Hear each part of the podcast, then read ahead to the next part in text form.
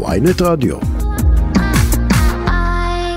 אנחנו עם הכותרת של היום, הביקור של בלינקן והמערכת היחסים המאוד, שעומדת במבחן עכשיו בין ישראל לארצות הברית.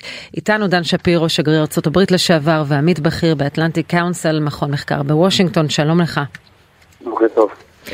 אנחנו שמענו אתמול את, ה, את הדברים הבאים של בלינקן, בואו נשמע אותם יחד. Throughout uh, the relationship between our countries, what we come back to time and again is that it is rooted both in shared interests and in shared values. That includes our support for core democratic principles and institutions, including respect for human rights, the equal administration of justice for all, the equal rights of minority groups, the rule of law, free press, a robust civil society, and the vibrancy of Israel's civil society has been on full display of late. The commitment of people in both our countries to make their voices heard, to defend their rights, is one of the unique strengths of our democracies. Another is a recognition that building consensus for new proposals is the most effective way to ensure they're embraced and that they endure. כן. אז אנחנו, האם אנחנו מדברים, דן שפירו, בהצהרה חסרת תקדים מצד הממשל האמריקני? יש, אי אפשר לפספס כאן את הרמז. לא יודע אם זה חסרת תקדים, אבל אולי זה מצב חסרת תקדים גם פה בישראל. אבל תראה, הוא רצה להקדיש שהערכים המשותפים של שתי דמוקרטיות הם הבסיס של היחסים הקרובים, אפילו הביטחון, שיתוף פעולה הביטחוני של המדינות. ואם משהו יפגע ביחסים בין הדמוקרטיות מבוסס על, מבוססים על ערכים משותפים, אז יהיה יותר קשה. אז אכפת לנו, אכפת לאמריקאים, מה תהיה תוצאות, יהיו תוצאות של הדיון בארץ. כן. בטח שזה...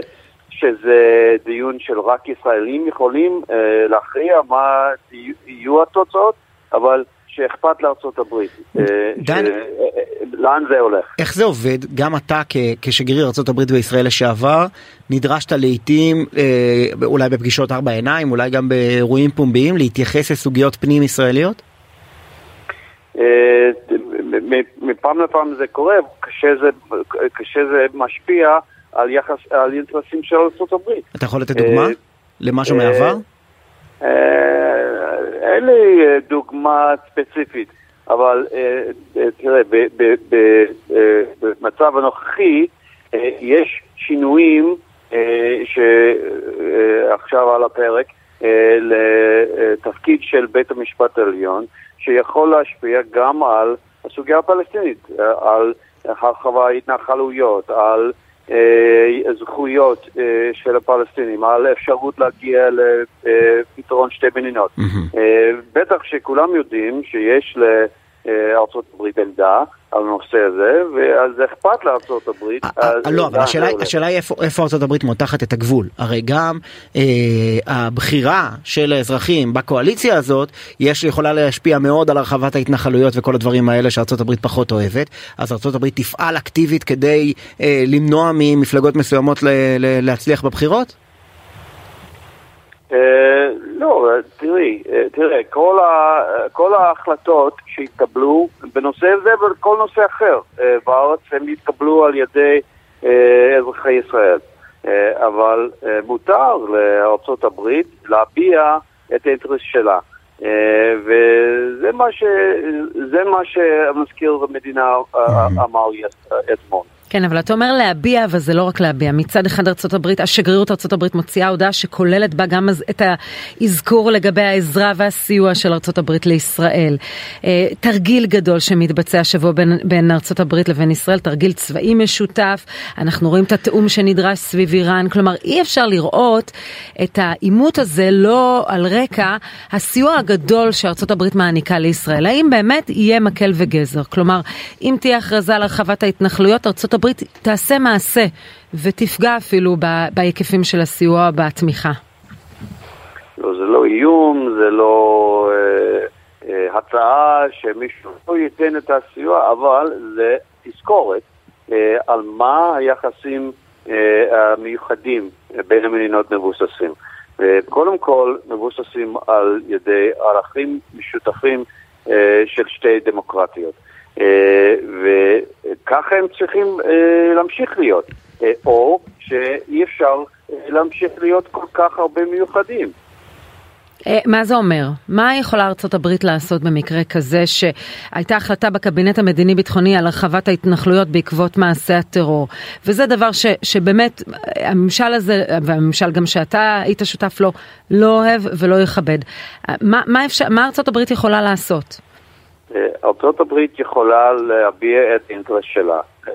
ארצות הברית יכולה אה, להזכיר אה, לחברים ישראלים שלה שיש ערכים משותפים ויש אוכלוסיה רחבה בארצות הברית שאכפת לה מה קורה בישראל לטובה, אבל גם זה, זה כולל שישראל תהיה דמוקרטי, כן. וש... אני... ש... מה שהוא אמר, מה שבלינקן אמר, ששמענו לפני כמה דקות, זה שיהיה קונסנזוס רחב בתוך מדינת ישראל, אם יהיו שינוי במשטר. וזה חלק מאיך, מאיך שדמוקרטיה יכולה להיות יציבה. אה, לנצח. אה, יש איזשהו קונסנזוס. עכשיו יש דיון רחב אה, במדינת ישראל, גם בוועדות הכנסת, גם ברחבות, בהפגנות, גם אולי בחדרים סגורים בין מחוקקים ושופטים. אה, אבל אה, אין קונצנזוס, זה, זה, זה ברור, אה, על משהו מאוד מאוד, יש מחלוקת מאוד מאוד עמוקה, כן. והוא הזכיר שקונצנזוס בתוך דמוקרטיה זה חלק מהיציבות של דמוקרטיה. אתה היית שגריר ארה"ב בתקופה של המתח הגדול סביב הסכם הגרעין והנאום ב-2015 בקונגרס. האם המתח שאנחנו חווים עכשיו בין ממשלת נתניהו הנוכחית להיא דומה? דומה באיזה צורה?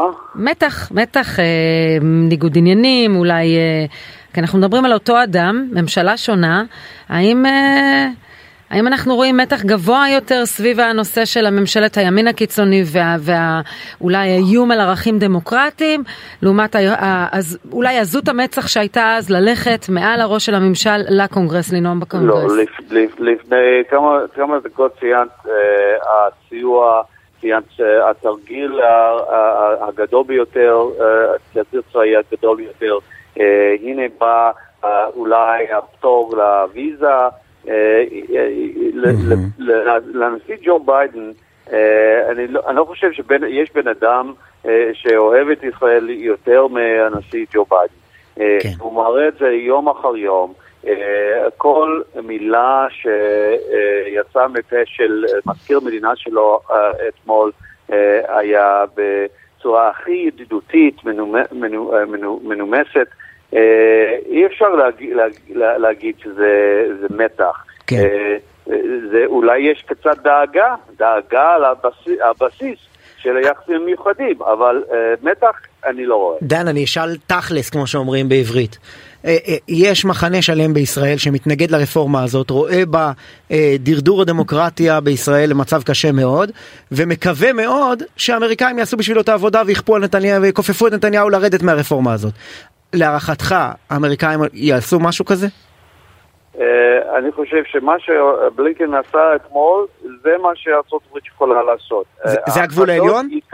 ההחלטות יתקבלו על ידי אזרחי ישראל, לא על ידי שום גורם חיצוני, אה, כולל אה, ארצות הברית. אוקיי, okay, מעניין. אז בוא נעבור לסוגיית הוויזה שהזכרת קודם. אתמול קיבלנו את הנתון שפרסם השגריר ניידס, לפיו פחות משלושה אחוז סירובים לאזרחי ישראל.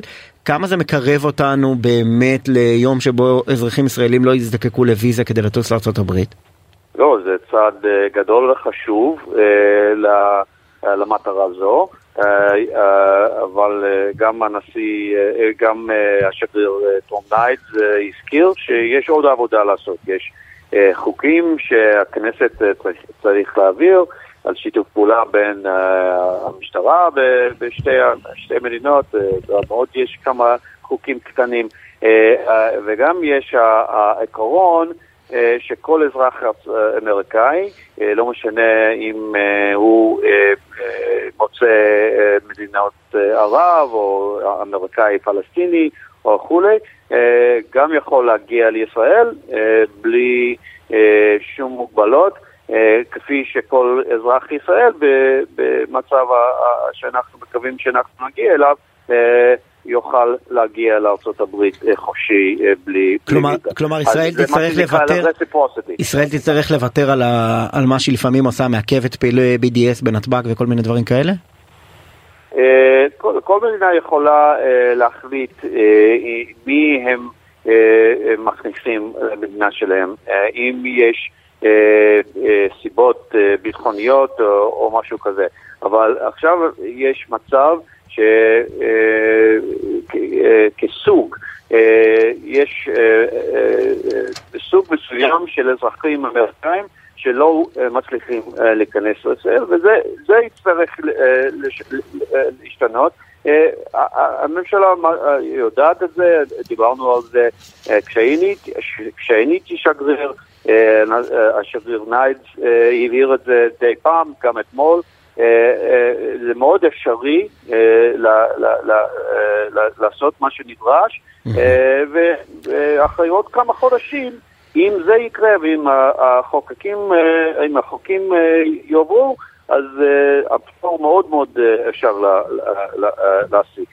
כן, אין ספק שהסיפור של התנועה החופשית עבור פלסטינים אה, בעלי אזרחות אמריקנית, זאת תהיה המכשלה בעיניי הגדולה ביותר לעניין הזה. מערכת הביטחון גם צריכה להיערך לזה. כן, כן זה, זה סיפור לא פשוט.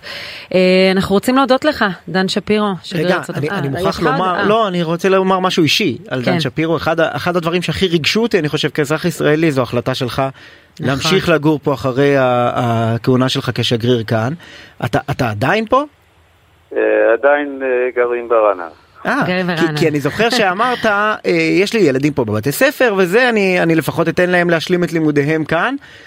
דברים השתנו מאז? אני, אתה יודע, עמדתי עם סטופר. זה החלטה שנה-שנה, ועד כאן כל שנה איזה בת אה, ביקשה להישאר עוד שנה בבית ספר. אה, אה, נראה כל שנה מה יהיה.